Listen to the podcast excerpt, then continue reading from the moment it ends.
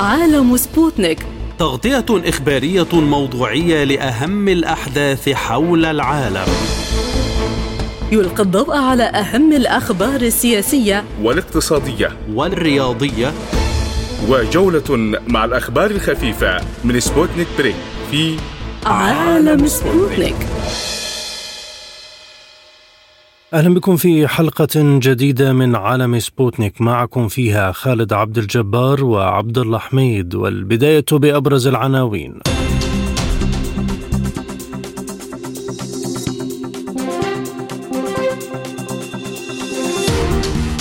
مركز المصالحة الروسي يعلن تزايد تواتر الهجمات الإرهابية ضد العسكريين والمدنيين في سوريا جبهة صراع جديدة في السودان جنوب كردفان ونزوح آلاف السكان نتيجة المعارك. إثيوبيا تستعد للملء الرابع والأكبر لسد النهضة مع دخول الأزمة مع مصر لمراحل خطيرة. الرئيس الإماراتي يلتقي وزير الخارجية الإيراني في ختام جولة خارجية مع تحركات دبلوماسية تقوم بها طهران. واقتصاديا رئيس الوزراء الهندي يشيد بالنمو الاقتصادي لبلاده ويقول إنه سوف يكون ثالث أكبر اقتصاد في العالم. إلى التفاصيل أفاد العميد أوليغ غورينوف نائب رئيس المركز الروسي للمصالحة بين الأطراف المتحاربة في الجمهورية العربية السورية أن وتيرة الهجمات الإرهابية ضد العسكريين والمدنيين في سوريا تصاعدت ففي يونيو حزيران كان هناك 47 انتهاكا لوقف الأعمال العدائية 24 منها فقط في الأسبوع الماضي. وأشار غورينوف إلى أنه يتم تكثيف القوى المدمرة في سوريا التي تسعى لزعزعة استقرار الأوضاع في المناطق التي تسيطر عليها الحكومة. وأشار غورينوف أيضا إلى استمرار الانتهاكات الجسيمة لبروتوكولات تفادي التصادم والمذكرة الثنائية للسلامة الجوية في سوريا من قبل ما يسمى بالتحالف الدولي بقيادة الولايات المتحدة مضيفا أن الانتهاكات منهجية. وتابع غورينوف أنه خلال ال 24 ساعة الماضية رصد 18 انتهاكا يتعلق بطائرات مسيرة ومقاتلات التحالف بقيادة الولايات المتحدة. من بيروت ينضم إلينا عمر خليل معربوني المحلل العسكري الاستراتيجي. سيد عمر لماذا زادت إذا هذه الهجمات في الفترة الأخيرة؟ طبعا نحن في ظروف مختلفة تماما. تشعر هذه الجماعات الإرهابية أن مصيرها يعني ذاهب باتجاه الزوال. لأن هناك أجواء طبعا مختلفة الآن ما يرتبط بعملية التطبيع بين سوريا وتركيا. وبالتالي نعرف جميعنا أن تركيا شكلت غطاء لهذه الجماعات لفترة طويلة. ومن المؤكد أن دخول التطبيع السوري التركي مرحلة التنفيذ سيكون يعني على حساب هذه الجماعات بشكل أو بآخر. من هنا تحاول هذه الجماعات يعني فرض نفسها لهذه المرحلة لتكون جزءا من معادلة التطبيع. يعني هذه مسألة. المسألة الثانية وهي الأساس في هذا الجانب جانب أن الجماعات الإرهابية اعتمدت أنماط يعني مرتبطة بتسميتها الارهابيه وبالتالي قد تكون يعني أجهزة الوكلاء يعني وكالات الاستخبارات الأمريكية والبريطانية المعروفة يعني بعلاقاتها بهذه الجماعات وراء هذه المسألة لأن ما يحصل في سوريا غير منفصل عما يحصل في الإقليم والعالم. وبالتأكيد يعني بتنا أمام يعني مواجهة واضحة المعالم بين حلفين. الحلف الذي تقوده روسيا الآن والحلف الذي تقوده أمريكا والغرب الجماعي. أعتقد يعني أن هذه الهجمات ستستمر وبالتالي سيتم اعتماد إجراءات لرد هذه الهجمات والتعاطي معها انطلاقا من الأجواء الجديدة. طبعا هناك جانب يعني يجب عدم إغفاله وهو أن يعني هذه الجماعات ذات ألوان متعددة وبالتالي قد يعني تدفع تركيا الجماعات الموالية لها بشكل جذري إلى الاشتباك مع هذه الجماعات في حال قطعت مرحلة التطبيع مراحل يعني جيدة. لكن من هي الجماعات الإرهابية التي ما زالت تنشط في سوريا ومن يدعمها؟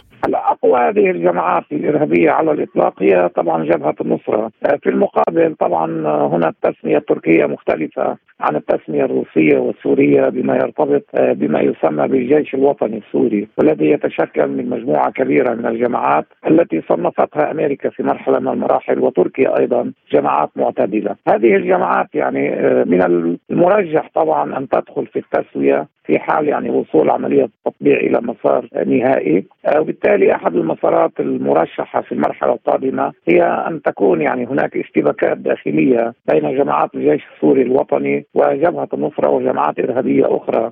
بعضها طبعا يعني كالحزب التركستاني وأحزاب أخرى متعددة ومن ضمنها طبعا خلايا داعشيه باسماء مختلفة. هل الهجمات تزداد فقط في مناطق سيطرة الحكومة السورية؟ نعم بالتأكيد يعني هناك استهدافات لمناطق سيطرة الدولة السورية وهناك أيضا محاولات لاستهداف مناطق تموضع القوات الروسية الجيش الروسي لكن أنا بتقديري يعني هذه الهجمات لن تؤتي ثمارها لأنه المرحلة الآن مختلفة تماما في أجواء يعني يسود الإقليم أجواء تطبيع ومصالحات بين إيران والسعودية السعوديه وسوريا الإمارات وسوريا وأكثر يعني من جانب في في هذا الاتجاه أعتقد يعني أن المرحلة القادمة ستكون حاسمة بما يرتبط بمصير هذه الجماعات. لكن سيد معربوني كيف تقيم رد فعل الحكومة السورية والجيش السوري وتعاملها مع هذه الهجمات؟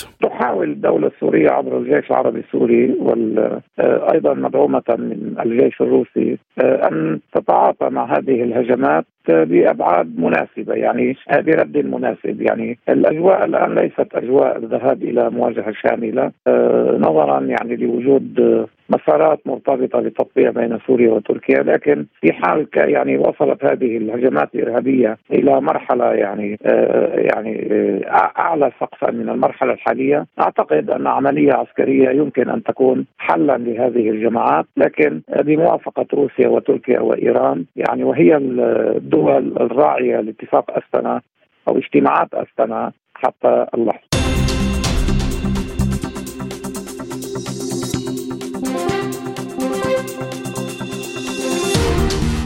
أفادت مصادر وكالة رويترز بأن سكان مدينة كادقلي في جنوب غرب السودان بدأوا الفرار من المدينة مع تصاعد حدة التوتر بين الجيش وجماعة مسلحة وهو ما يهدد بفتح جبهة صراع أخرى في الحرب الدائرة بالبلاد. يأتي الحشد حول كادقلي وهي عاصمة ولاية جنوب كردفان. بعد عشرة أسابيع تقريبا من بدء القتال بين الجيش السوداني وقوة الدعم السريع الذي يدور أغلبه في العاصمة الخرطوم.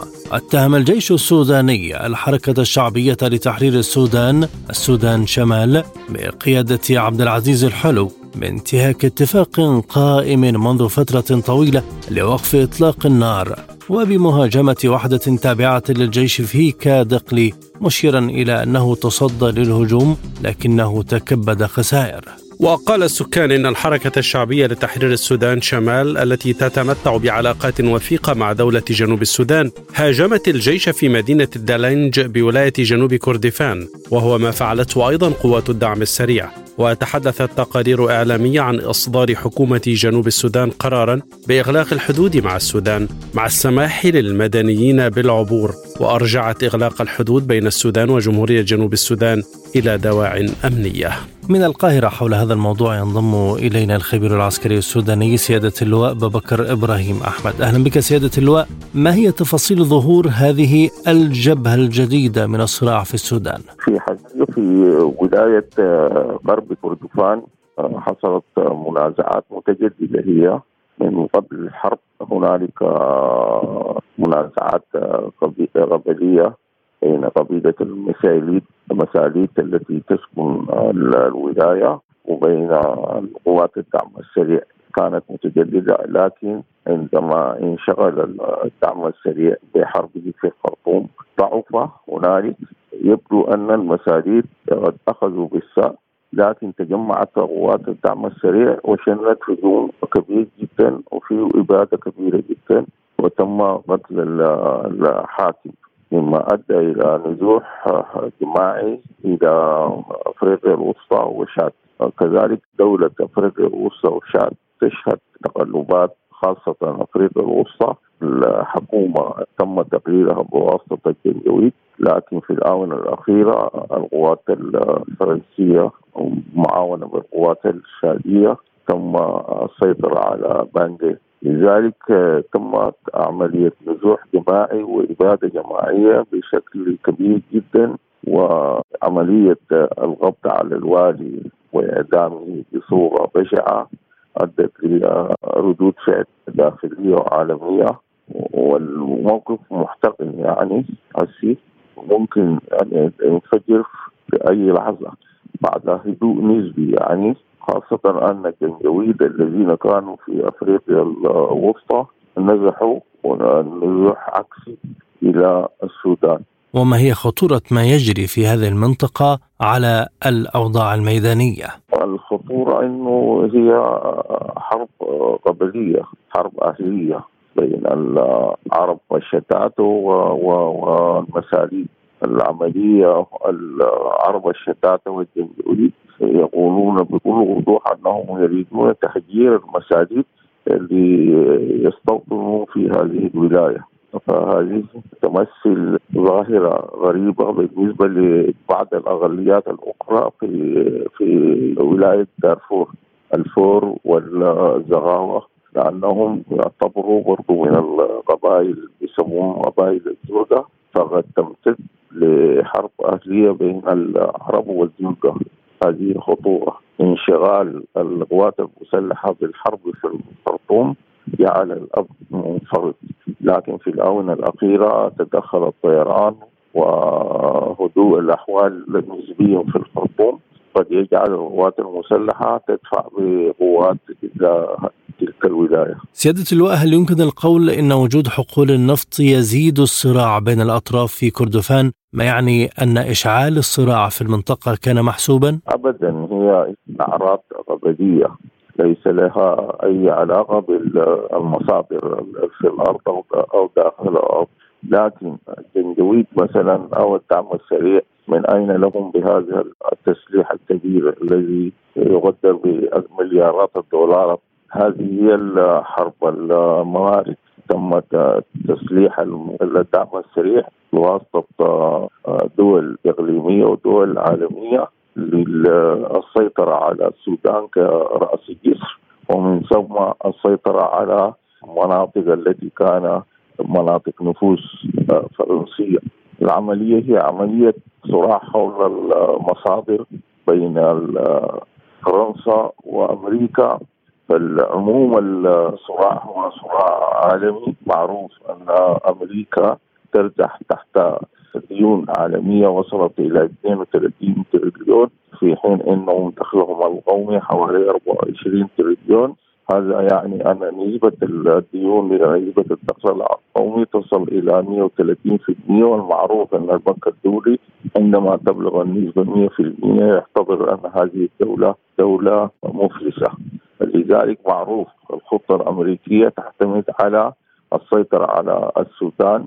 ومن السودان تستطيع أن تسيطر على مصادر المصادر الاقتصادية في أفريقيا. هل نقضت الحركة الشعبية لتحرير السودان اتفاقها مع الجيش بحسب تصريحات الجيش نفسه ولماذا؟ ابدا هنالك مجموعة متمردة من عبد العزيز الحلو هي التي هاجمت الدلنج وسيطر الجيش على تلك المجموعة لكن عبد العزيز الحلو أساسا لم يهاجم المناطق العسكرية. ما حقيقة إغلاق حكومة جنوب السودان للحدود مع السودان؟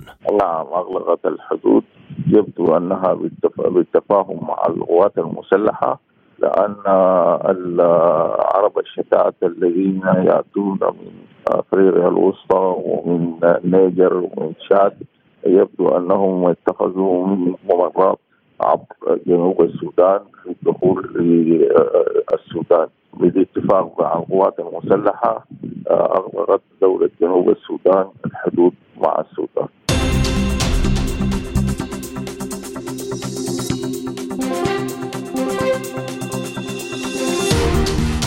أعلن نائب رئيس وزراء إثيوبيا ديميكي ميكونين أن بلاده تستعد لإطلاق المرحلة الرابعة لتعبئة سد النهضة على النيل الأزرق رغم معارضة مصر والسودان اللتين عبرتا مرارا عن قلقهما بشأن إمدادات المياه. وقال ميكونين أثناء افتتاح المؤتمر الإقليمي الثاني في أديس أبابا بشأن استخدام نهر النيل اقترب موعد العملية الرابعة لملء سد النهضة الإثيوبي مشيرا إلى أن العمليات الثلاث الأولى لم تضر الدول المقلة على النهر وأن العمليات الأخرى لن تكون مختلفة وفق تعبيره. بالإضافة إلى ميكونين وهو أيضا وزير الخارجية يشارك في المؤتمر وزراء خارجية دول عدة مطلة على النيل الأبيض.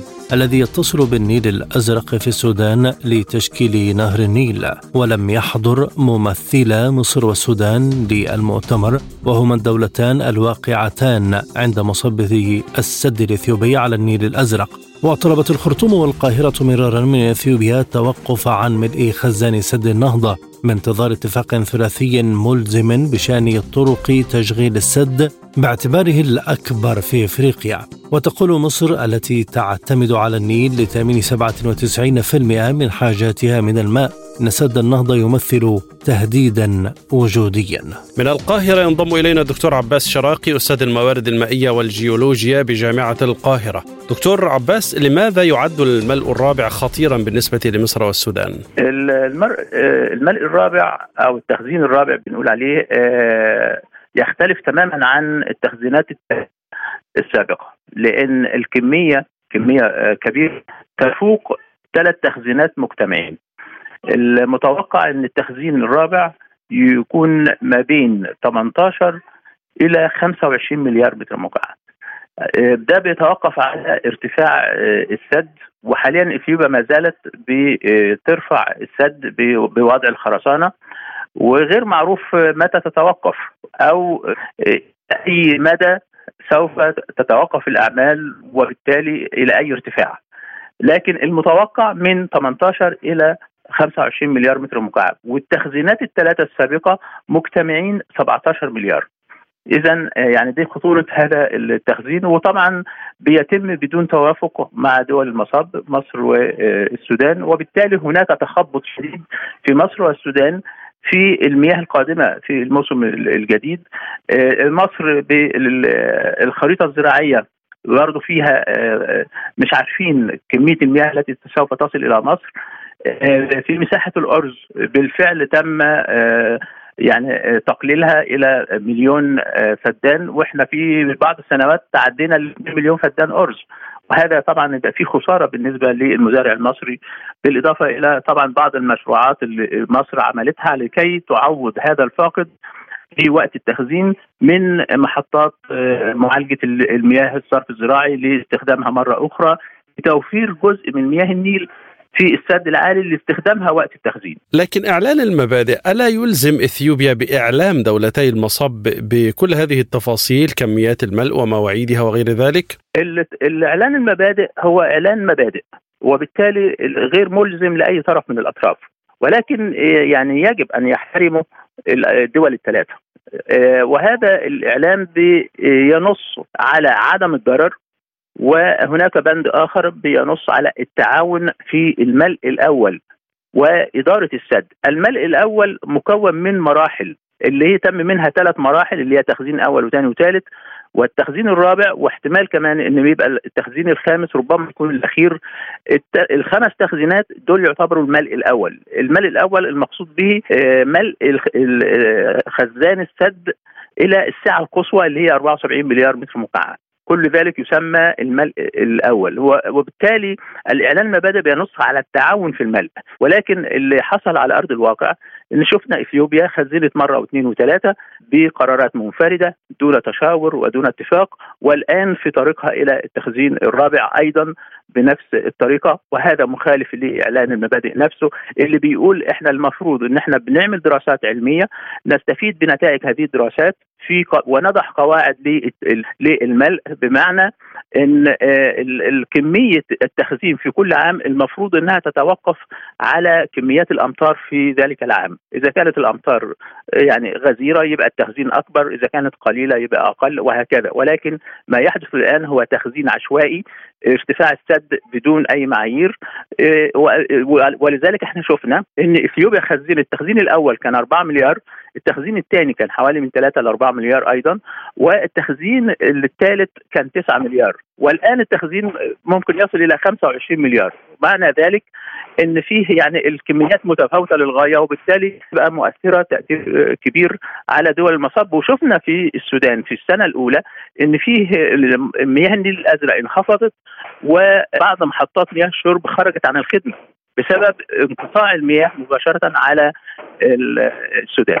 دكتور شراقي إلى أي مرحلة وصلت المفاوضات بين الدول الثلاث؟ لا المفاوضات متوقفة منذ إبريل 2021 للأسف ورحنا لمجلس الأمن مرتين سنة 2021 ومجلس الأمن يعني أوصى باستئناف المفاوضات برعاية الاتحاد الإفريقي وحتى الآن لم يحدث أي اجتماع منذ ذلك التاريخ.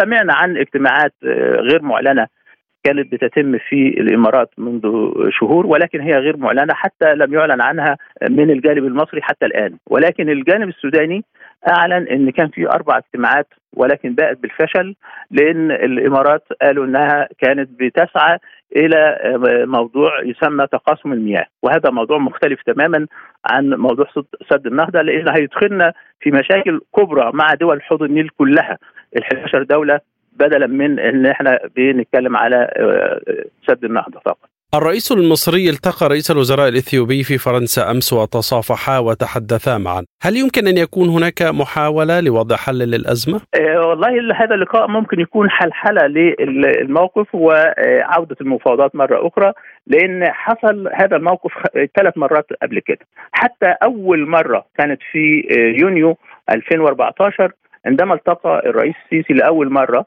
بعد انتخابه مع رئيس الوزراء الإثيوبي في ملابو غينيا الاستوائية على هامش قمة الاتحاد الإفريقي واتفقا على استئناف المفاوضات. وبعدها توقفت المفاوضات أيضا مرتين أخرى مر يعني أخريتين وتقابل الرئيسين في برضو على هامش الاتحاد الإفريقي أو في الأمم المتحدة في اجتماع الجمعية العامة للأمم المتحدة.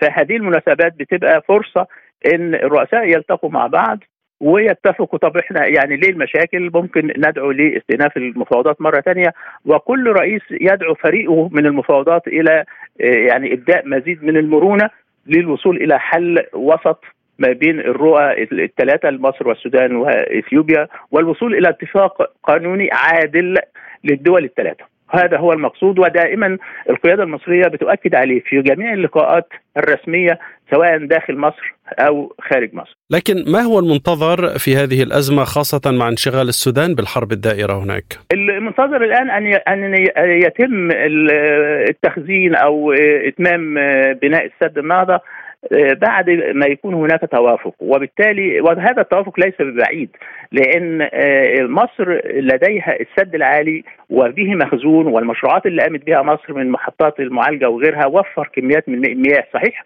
كلف مصر الكثير عشرات المليارات وبالتالي هو هو أحد ال يعني ال الأشياء اللي سببت الأزمة الاقتصادية الحالية اللي إحنا عايشينها في مصر هي المشروعات اللي تمت لتوفير مياه. وبالتالي هذا السد العالي ده يطمئن إلى حد كبير الشعب المصري ويجعلنا إن إحنا نتحمل التخزينات اللي بتتم في سد النهضة ولكن لما تبقى بتوافق. لكن التخزين مليار واحد بدون توافق ده مرفوض من جانب مصر والسودان ولكن ممكن نتفق على تخزين 10 15 حسب الاتفاق.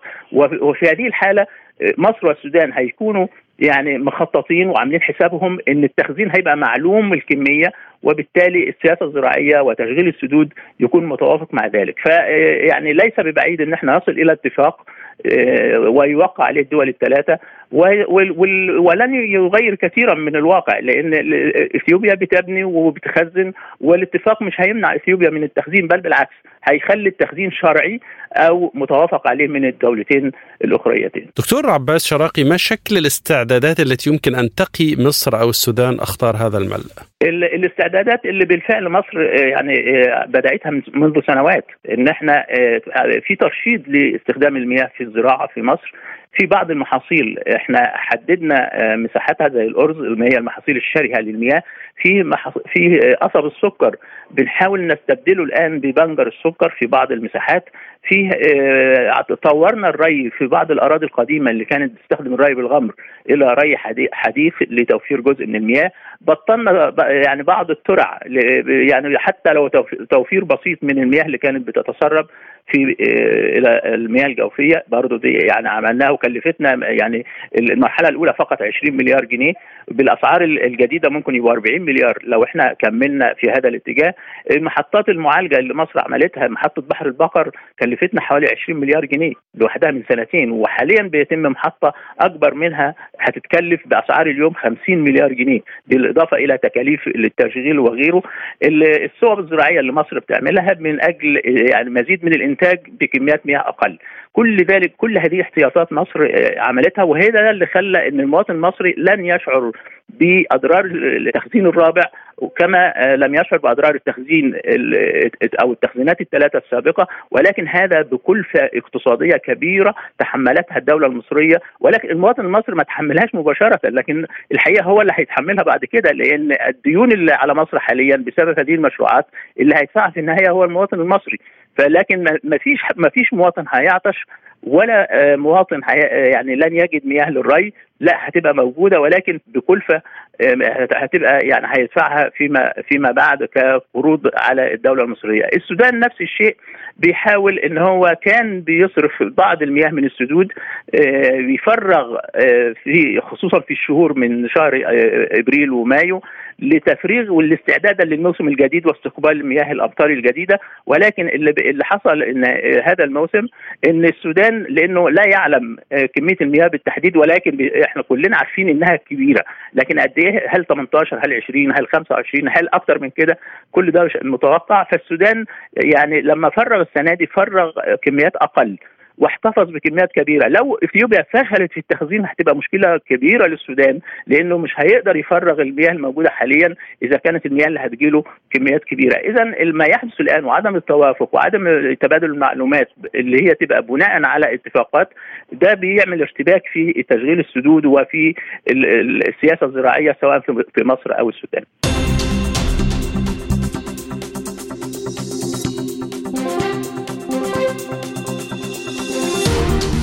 التقى الرئيس الإماراتي الشيخ محمد بن زايد آل نهيان بوزير الخارجية الإيراني حسين أمير عبد اللهيان في ختام جولة خارجية استمرت ثلاثة أيام في سياق تحركات دبلوماسية تقوم بها طهران.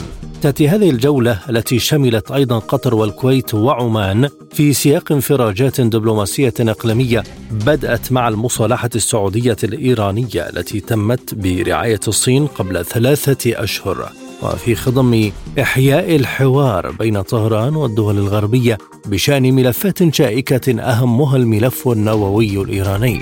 وعلى هامش هذه الزيارة وقع البلدان اتفاقية طيران مدني لتعزيز الرحلات الجوية بين الناقلين الوطنيين ويتم تسيير رحلات جوية مباشرة بالفعل لكن فقط من دبي والشارقه وهما إمارتان أخريان في الدولة تربطهما علاقات اقتصادية قوية منذ فترة طويلة مع إيران على الرغم من التوترات الدبلوماسية، لكن حتى الآن لا توجد أي رحلة جوية تصل بين أبو ظبي وأي مدينة إيرانية. من جانبها أفادت وزارة الخارجية الإيرانية في بيان أن عبد اللهيان سلم الشيخ محمد بن زايد دعوة من الرئيس الإيراني إبراهيم رئيسي لزيارة إيران. حول هذا الموضوع تنضم إلينا من دبي الدكتورة رشا جندي كبير الباحثين في مركز دبي لبحوث السياسات العامة. أهلا بك سيدتي بداية هل دخلت العلاقات الإيرانية الخليجية مرحلة جديدة بالفعل من التعاون وتهدئة الأوضاع؟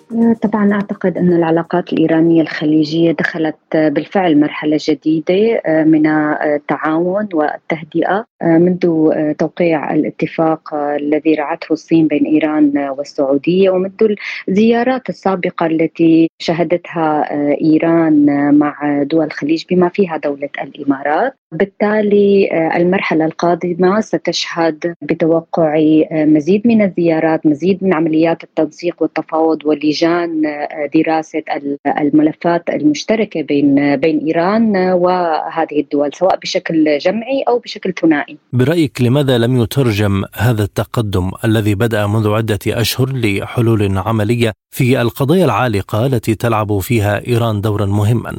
طبعا عدة أشهر شهدتها حلحلة العلاقات بين إيران وجيرانها في الخليج ولكن القضايا الخلافية مستمرة منذ عقود وبالتالي لا نستطيع تصور أن يتم حل هذه القضايا في مدة قصيرة لأننا لا نريد ولا أعتقد أي أي طرف سواء من من جهة إيران أو من جهة دول الخليج. يريد أن ينهار أي اتفاق أو أي توافق حيال هذه القضايا. بعد فترة قصيرة وبالتالي طول المدة والتي لا أعتقد أنها طويلة بالأساس مرتبط بالتوصل لحلول مستدامة لأن العداء بين إيران والخلافات العميقة بين إيران ودول المنطقة حيال ملفات مثل الدور الإيراني في اليمن أو لبنان أو حتى العراق كلها ملفات غير غير سهلة بالإضافة لملفات الأمن البحري والاعتداء الإيرانية على السفن أو أو توفير إيران للاسلحه لأطراف تقوم باستهداف أراضي دول الخليج. كلها ملفات استراتيجية وأمنية جدا خطيرة وجدا تحتاج لنظرة معمقة تحتاج لاجتماعات عديدة وهي مترابطة. هذه هي المسألة أيضا. المصالح الخليجية بما يتعلق بهذه الملفات لا يمكن فصلها عن بعضها البعض. ودور إيران باعتباره متشابك مع هذه مع هذه القضايا. أيضا يحتاج لحلول قد تكون منفصلة في بعض الأحيان لكنها في النهاية تؤدي مشهد متكامل لكيفية نظرة إيران ودول الخليج للمشهد المستقبلي للدول التي يمكن تسميتها دول النفوذ الإيراني ول للعلاقات الإيرانية الخليجية بشكل عام والتي تتأثر بدور إيران في في هذه القضايا الحساسة في نهاية الأمر. ما هي أهم المجالات برأيك التي يمكن أن تشهد تعاونا سريعا بين إيران والخليج؟ أعتقد أن من المجالات التي يمكن أن تشهد تعاون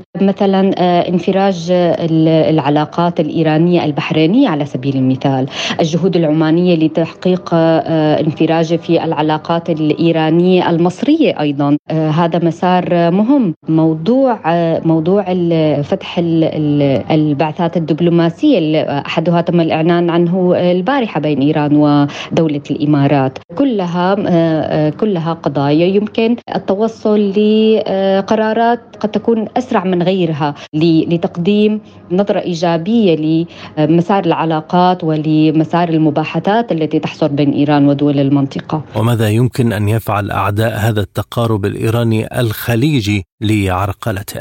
اعداء التقارب قد تكون جهات ذات مصلحة باستدامة الصراع الإيراني الخليجي ومنها مثلا وكلاء إيران من المتشددين على سبيل المثال الذين قد يخشون خسارة دورهم ومنافعهم من استمرار هذا العداء سواء على الصعيد العسكري أو سواء على الصعيد المادي كلهم قد يكون تسميتهم بالأثرياء الحرب والمستفيدين من من الحروب الإقليمية والحروب الأهلية.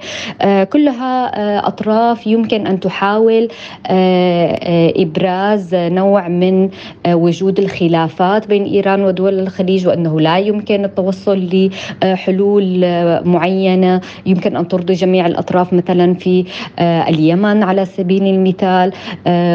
كلها أمور واردة ولكن أعتقد أن على صعيد الدول وعلى صعيد القيادات العلاقات هناك مصلحة استراتيجية لإنجاح هذا ال هذا ال هذا المسار وأجندة خفض التصعيد الإقليمية ليس فقط مع إيران ولكن أيضا مع تركيا. ودول الخليج تقوم بمثلها بتبني هذه السياسة. أيضا على الصعيد حتى الدولي من خلال التوسط في بين إيران والدول الغربية وبين روسيا والدول الغربية وأوكرانيا. كلها آه، تصب في ذات الأجندة. التي تتبناها دول الخليج للتركيز على التنمية للتركيز على الاقتصاد على الازدهار وتجاوز مرحلة الأزمات والتأزيم سواء إقليميا أو دوليا. شكرا جزيلا لك دكتورة رشا الجندي كنت معنا من دبي. لمزيد من إلقاء الضوء على هذا الملف ينضم إلينا من الكويت الدكتور مبارك الهاجري المحلل السياسي. أهلا بك دكتور. في أي إطار تأتي زيارة وزير الخارجية الإيراني إلى الخليج برأيك؟ الجولة الخليجية التي يجريها وزير الخارجية الإيراني تتضمن زيارات إلى كل من الكويت وقطر والبحرين. هي زيارات تتضمن توثيق العلاقات وتوطيد العلاقات مع هذه الدول. طبعا شاهدنا في الفترة الأخيرة تأتي هذه الزيارات طبعا بعد إعادة العلاقات الدبلوماسية مع السعودية وإيران. بالإضافة إلى عودة العلاقات وفتح التمثيل الدبلوماسي ما بين سفارة قطر والإمارات وماذا تمثل هذه الزيارة بالنسبة لطهران ودول الخليج؟ عودة إيران إلى الشق الخليجي سوف تكون عودة مباركة من قبل الدول الست طبعا السعودية كانت مبادرة في عودة الدبلوماسية الإيرانية إلى المنطقة. هناك أهداف سوف ترسم ملامح هذه الزيارة ومن ضمنها الأهداف الاقتصادية توحيد أو التعاون في تنفيذ خطط واستراتيجيات إنتاج أو حصص الإنتاج في منظمة أوبك بلس. كون إيران عضو في هذه المنظمة وأيضا عضو في تحالف أوبك بلس. هي عضو في منظمة أوبك وأيضا في تحالف أوبك بلس الذي تشمل دول أوبك والدول من خارج. هل يمكن القول أن الزيارة جاءت في توقيت مناسب وسيخرج عنها نتائج تنعكس على المنطقة؟ هذه الزيارة جدا مهمة. سوف يكون يعني عودة العلاقات الاستقرار بالنسبة للشأن الخليجي مع اليمن يعني حرب السعودية مع اليمن. هناك بوادر حل وبوادر دبلوماسية في الطريق. ممكن أن تحل إيران دورا بارزا في هذه العملية. كذلك دور العراق والاضطرابات السياسية التي تشهد العراق. عودة الدبلوماسية مع الدول الخليجية من الجانب الإيراني سوف تساهم في تهدئة الأوضاع السياسية في العراق.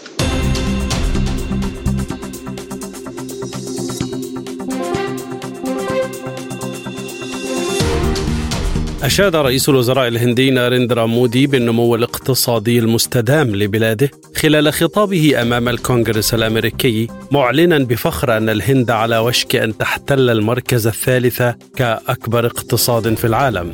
وكان وزير الصناعات الثقيلة الهندي ماهندرا ناث باندي قد قال إن بلاده تتحرك بسرعة نحو التحول لأن تصبح ثالث أكبر اقتصاد في العالم بعد الزخم في قطاع التصنيع. جاء ذلك خلال كلمته أمام الجلسة الافتتاحية للمؤتمر الدولي الذي يستمر يومين حول تقدم الهند نحو ثالث أعظم اقتصاد بعد 75 عاما من الاستقلال. وقال إن البلاد تتحرك بسرعة في تحولها لأن تصبح ثالث أكبر اقتصاد بسبب تعزيز التصنيع تحت القيادة القديرة. لرئيس الوزراء ناريندرا مودي من بيروت ينضم إلينا زياد ناصر الدين الخبير الاقتصادي سيد زياد ما المؤشرات التي تقول إن الهند ستصبح ثالث أكبر اقتصاد في العالم؟ يعني اليوم هناك تغير في منطقة آسيا وبالتالي هناك اقتصاديات واعدة كبرى تنشأ بشكل كبير ومهم جدا يعني التجربة الصينية اليوم هي تجربة لها أبعاد في الاقتصاد كبيرة جدا وفي التنميه، وبالتالي هي بدأت تنعكس على كل كل المنطقة وكل الدول المحيطة بها. الهند هي أيضا لديها تجربة صناعية كبيرة والعالم اليوم يتجه إلى تغير بالواقع الصناعي والإنتاجي. والدول التي تمتلك مواد أولية كبرى وتمتلك يد عاملة ليست مرتفعة لديها القدرة على الإنتاج الأكبر. وبالتالي هو اليوم جزء من استكمال لواقع في التجارة العالمية التي الذي يعتبر أن آسيا هي مركز أساسي للصناعة الإنتاجية. وبالتالي هناك قدرات كبيرة اليوم وبدأت الهند تعمل على طريق التنميه الاقتصادية الكبرى. هي آه يعني لديها مؤشرات مهمة من خلال عالم التصدير من خلال نتيجة المحلي الذي أصبح ناتج يعني تخطى 3000 مليار دولار سنويا وبالتالي أصبح لديها حتى لديها التكنولوجيا المطلوبة فبالتالي هي تعتبر أنها جزء من مكونات العالم وهي تعتبر انها من الدول الكبرى والقوية في منظمة التجارة العالمية وهي تريد أن يكون لديها دور مهم في عالم الانتاجي والصناعي ومنظمة التجارة الدولية القادمة. لكن كيف وصلت الهند لهذه الدرجة من التقدم رغم كل الخلافات العرقية والمشاكل المحيطة بها؟ هلا الهند هي تتقدم لكن هذا لا يعني أنها أصبحت خالية من المشاكل، هي لديها الكثير من المشاكل الاقتصادية. أنا لا أعتقد أنها ستكون من الدول الأكبر لم تصل إلى مستوى الصين.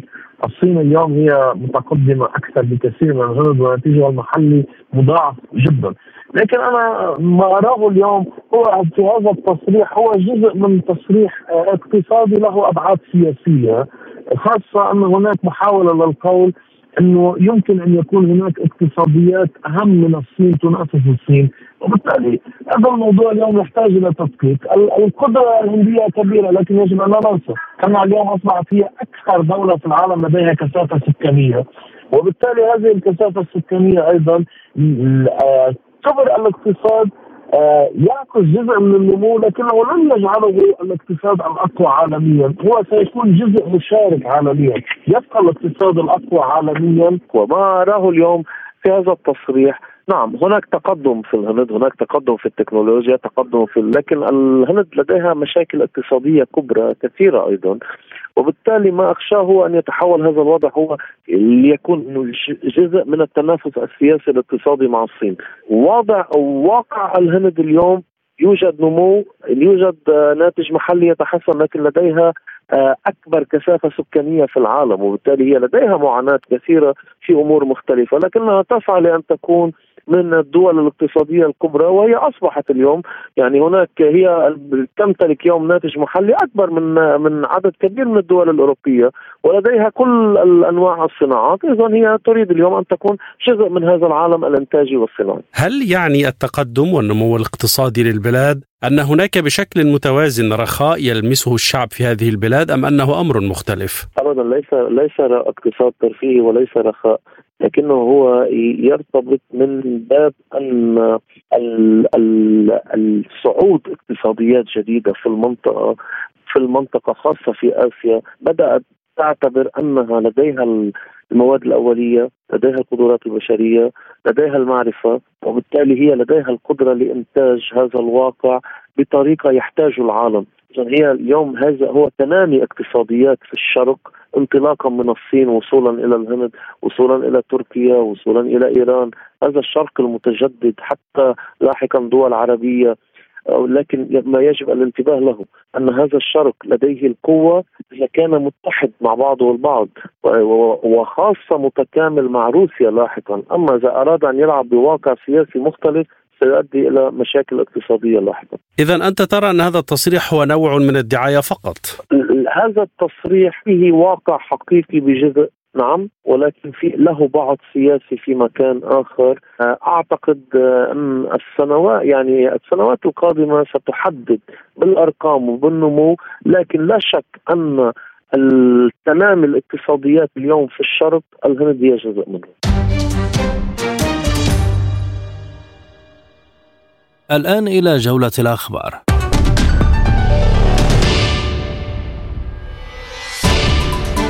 نشر جهاز الأمن الفيدرالي الروسي مشاهد تظهر لحظة القبض على مجموعة أشخاص حاولوا نقل واحد كيلو جرام من مادة مشعة لاستخدامها لصالح نظام كييف وأعلن جهاز الأمن الفيدرالي الروسي بالتعاون مع الداخلية الروسية إلقاء القبض على خمسة أشخاص حاولوا نقل كيلوغرام من مادة السيزيوم 137 المشعة إلى الخارج.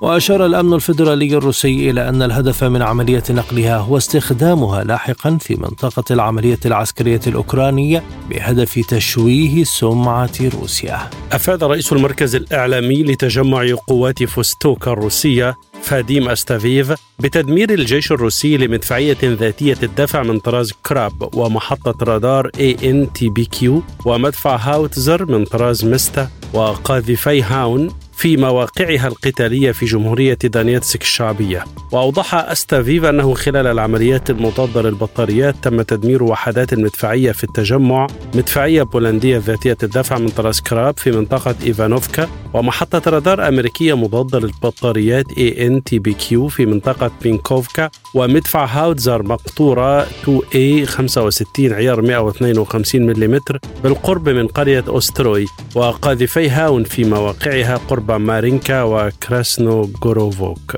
صرحت المتحدثة باسم وزارة الخارجية الروسية ماريا زخاروفا بأن القوى التي وضعت الإدارة الحالية في السلطة بأوكرانيا حددت مهمة تدمير العلاقة الروحية بين أوكرانيا وروسيا وقالت إن كييف دمرت العلاقات الأخرى بين البلدين بما في ذلك العلاقات الاقتصادية والتاريخية والثقافية. كشف رئيس الوزراء الإسرائيلي بنيامين نتنياهو عن ظهور أسلحة غربية على حدود إسرائيل تسربت من أوكرانيا مشيرا إلى أن ذلك يؤكد صواب قرار تل أبيب عدم الانجرار إلى نزاع أوكرانيا. وقال نتنياهو في حديث لصحيفة جورزالم بوست إن لدى إسرائيل مخاوف أيضا من أن أي أنظمة سننقلها لأوكرانيا ستستخدم ضدنا حيث قد تقع في يد إيران. وهذا ليس احتمالا نظريا فقط وحدث بالفعل مع الأسلحة الغربية المضادة للدبابات التي نجدها حاليا بالقرب من حدودنا وأضاف لدينا حدود عسكرية قريبة مع روسيا ويقوم طيارون بطلعات جوية إلى جانب الطيارين الروس في سماء سوريا وأشار إلى أن ذلك يؤكد صواب موقف تل أبيب من النزاع في أوكرانيا. أفاد شهود بوقوع اشتباكات عنيفة بين الجيش السوداني وقوات الدعم السريع جنوب الخرطوم استخدمت خلالها المدفعية الثقيلة جنوب الخرطوم. كما عاين شهود تحليق طائرات استكشافية في جنوب الخرطوم وسمعت أصوات المضادات الأرضية كما وقعت اشتباكات داخل مدينة الأبيض بولاية شمال كردفان.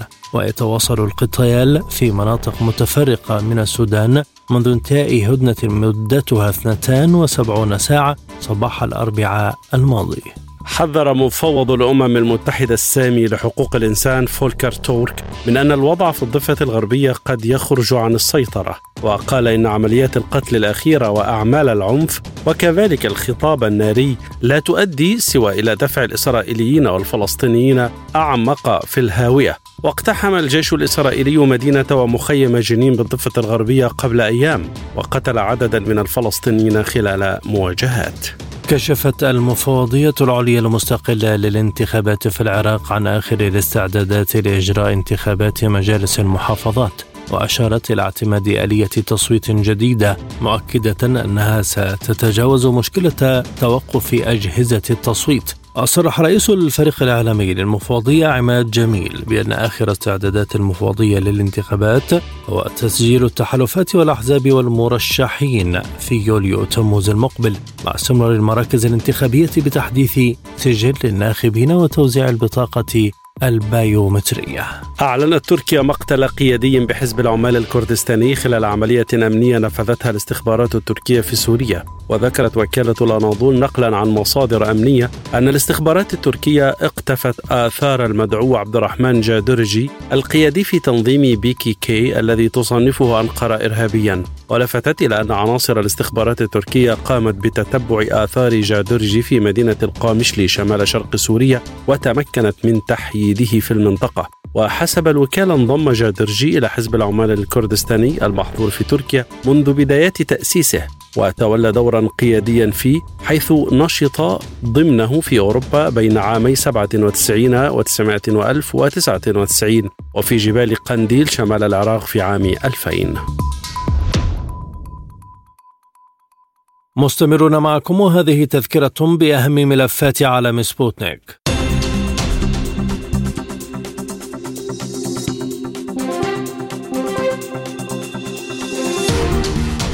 مركز المصالحة الروسي يعلن تزايد تواتر الهجمات الإرهابية ضد العسكريين والمدنيين في سوريا.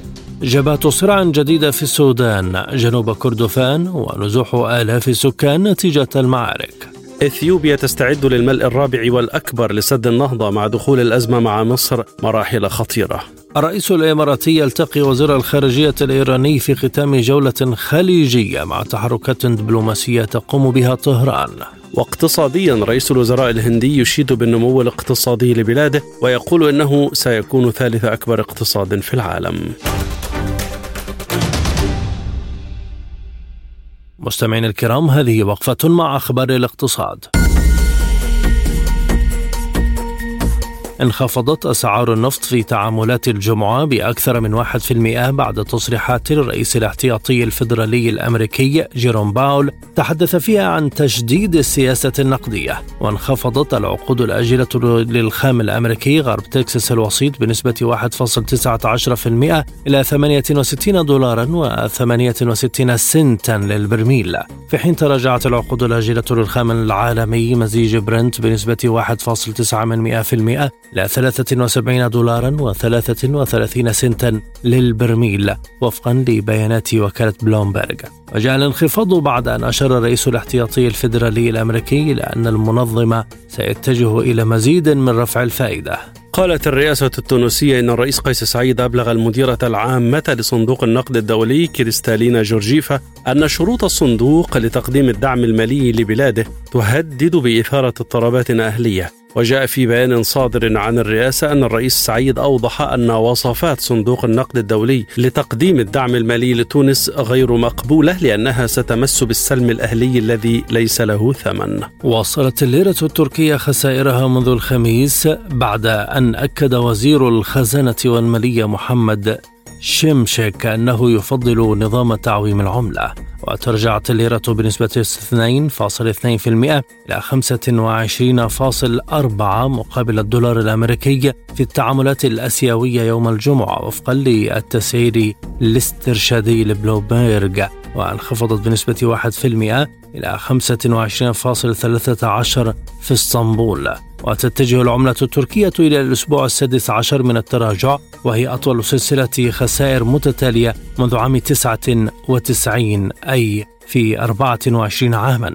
وأكد شيمشيك في تغريدة على تويتر أنه يفضل نظام سعر الصرف الحر وكتب أنه في إطار السياسة القائمة على مبادئ اقتصاد السوق ونظام سعر الصرف الحر والاقتصاد المفتوح سيضمن تدفق رؤوس الأموال بشكل كبير إلى تركيا. بحث الرئيس الإماراتي محمد بن زايد النهيان مع نائب الرئيس التركي جودة يلمز سبل تنمية التعاون والعمل المشترك بين الإمارات وتركيا. جاء ذلك خلال استقبال الرئيس الإماراتي لنائب الرئيس التركي والوفد المرافق له الذي يقوم بزيارة عمل إلى الإمارات. وخلال اللقاء استعرض الجانبان الفرص الواعدة التي يمتلكها البلدان لتطوير شراكتهما الاقتصادية خاصة في المجالات التي تخدم أهداف التنمية المستدامة وفي مقدمتها مجالات الاقتصاد والاستثمار والأمن الغذائي والطاقة المتجددة والبيئة وغيرها من المجالات الحيوية. كشفت دراسة أجراها موقع Resume.io المتخصص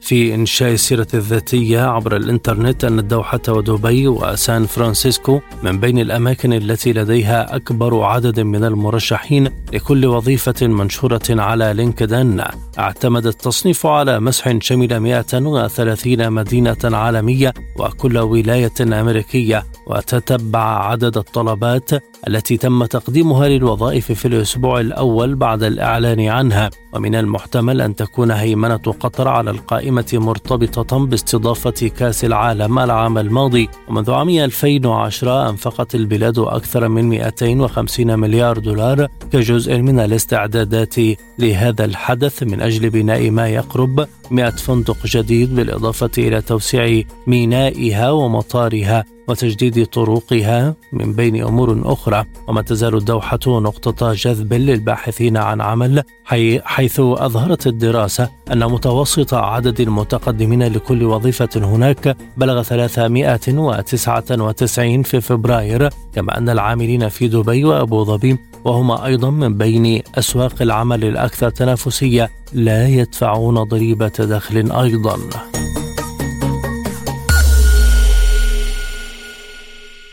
عالم سبوتنيك مستمر معكم وهذه جولة في أخبار الرياضة. حقق الأهلي المصري المنتشي بالفوز بدوري أبطال إفريقيا فوزا مهما للتقدم نحو استعادة لقبه المفضل بالدوري المصري لكرة القدم. واستعاد الأهلي صدارة ترتيب الدوري بثلاثية في شباك حرس الحدود ألقت بالفريق العسكري خارج المسابقة حيث أكدت هبوطه إلى الدرجة الأدنى قبل ثلاث جولات من النهاية. وبدأ الأهلي الذي فاز بلقب دوري أبطال إفريقيا على حساب الوداد مرحلة حاسمة في مشواره لاستعادة اللقب المحلي الغائب عن خزائنه في الموسمين الماضيين. ورفع الأهلي رصيده إلى 65 في صدارة الترتيب متفوقا بفارق نقطة واحدة عن بيراميدز الثاني الذي خاض خمس مباريات أكثر من الأهلي. ويحتاج الأهلي الذي ما زال في رصيده تسع مباريات 12 نقطة فقط للتتويج بلقب النسخة الحالية من المسابقة. ذكرت تقارير متعددة أن ريال مدريد الإسباني توصل لاتفاق مع باريس سان جيرمان الفرنسي لضم كيليان امبابي خلال الميركاتو الصيفي الحالي. ورفض امبابي تمديد عقده مع بطل الدوري الفرنسي حتى عام 25 مفضلا الرحيل عن النادي مجانا بنهاية الموسم المقبل. في المقابل خيرت إدارة النادي لاعبها المتوهج بين التمديد لعام إضافي أو الرحيل الصيف الحالي. لتجنب رحيله دون مقابل بعد نهاية عقده صيف 2024 وشهدت الساعة الأخيرة تطورا سريعا في الأحداث. فوفقا لبرنامج الشيرينغيتو الإسباني وتقارير صحفية فرنسية فإن فلورنتينو بيريز رئيس ريال مدريد وناصر الخليفي رئيس سان جيرمان اتفقا على انتقال مبابي إلى الفريق الملكي مقابل 200 مليون يورو بالإضافة إلى 50 مليون إضافية وفقا لأداء اللاعب ونتائج الفريق. أعلن نادي تشيلسي الإنجليزي عن إتمام تحالف بلوكو الذي استحوذ على النادي اللندني ويقوده تود بولي اتفاقا لشراء أسهم في نادي ستراسبورغ الفرنسي. ووافق تود بولي رئيس تشيلسي وشركائه على امتلاك حصة في النادي الفرنسي في إطار جهودهم لإنشاء إمبراطورية تتألف من عدة أندية على غرار استثمارات نادي مانشستر سيتي. رجل الأعمال الأمريكي الذي أتم استحواذه على نادي تشيلسي مع شركة كليرليك كابيتال في مايو 2022 من التوصل إلى اتفاق لامتلاك ما يقرب من 100% من ستراسبورغ في صفقة بلغت قيمتها 65 مليون جنيه استرليني. وتمتلك مجموعة مانشستر سيتي الرياضية 13 ناديا حول العالم مما يتيح للاعبين الشباب الخروج على سبيل الإعارة والتطور. ويتطلع تشيلسي إلى القيام بذلك أيضا. ويشارك ستراسبورغ في الدوري الفرنسي الدرجة الأولى بآخر ستة مواسم وتوج بكأس رابطة الأندية الفرنسية في 2019 وأنهى الموسم المنقضي في المركز الخامس عشر بالدوري الفرنسي. سبوتنيك break والأخبار الخفيفة. مع دخول فصل الصيف تنتشر الحشرات خاصة البعوض. ووفقا لدراسات عديدة يفضل البعوض المناطق المظلمة. مما يعني أنه ينجذب أيضا إلى الملابس الداكنة. لذلك ينصح بارتداء ألوان فاتحة لتجنب البعوض الذي ينجذب إلى الحرارة وثاني أكسيد الكربون الذي ينبعث منه بشكل طبيعي. لذلك فإن ارتداء الملابس ذات الألوان الفاتحة يمكن أن يجعلك أقل جاذبية للبعوض. تقول الدراسات إن اللون الذي يجب تجنب ارتدائه خلال أمسيات الصيف هو اللون الأحمر حيث ترى الحشرات ومنها البعوض الصبغة الحمراء في الجلد وهذا ما يجذبها إلى البشر. لذلك تجنب هذا اللون عند اختيار ملابسك الصيفية. طلب محاميان يمثلان المدعين من قاض اتحادي بمدينة سان فرانسيسكو الأمريكية أن يحكم لهما بأتعاب قانونية قيمتها أكثر من 181 مليون دولار كجزء من تسوية تتعلق بخصوصية البيانات بقيمة 725 مليون دولار مع Meta Platforms الشركة الأم لفيسبوك لحل قضية مشاركة معلومات المستخدمين مع الغير. قال المحاميان الكبيران من مكتبي كيلر رورباك وبلاكمارا فونت فونتي أند أولد للمحاماة في طلب تقدم به أن الأتعاب ستمثل 25% من أموال التسوية وهي نسبة ضمن النطاق المحكوم به في قضايا لها نفس الحجم تقريبا. وذكر المحاميان في الوثيقة أن التسوية البالغة قيمتها 725 مليون دولار هي أضخم تعويض يتعلق بخصوصية البيانات في التاريخ وأكبر تسوية خاصة يوافق فيسبوك عليها. ختام عالم سبوتنيك إليكم تذكرة بأبرز ملفات هذه الحلقة.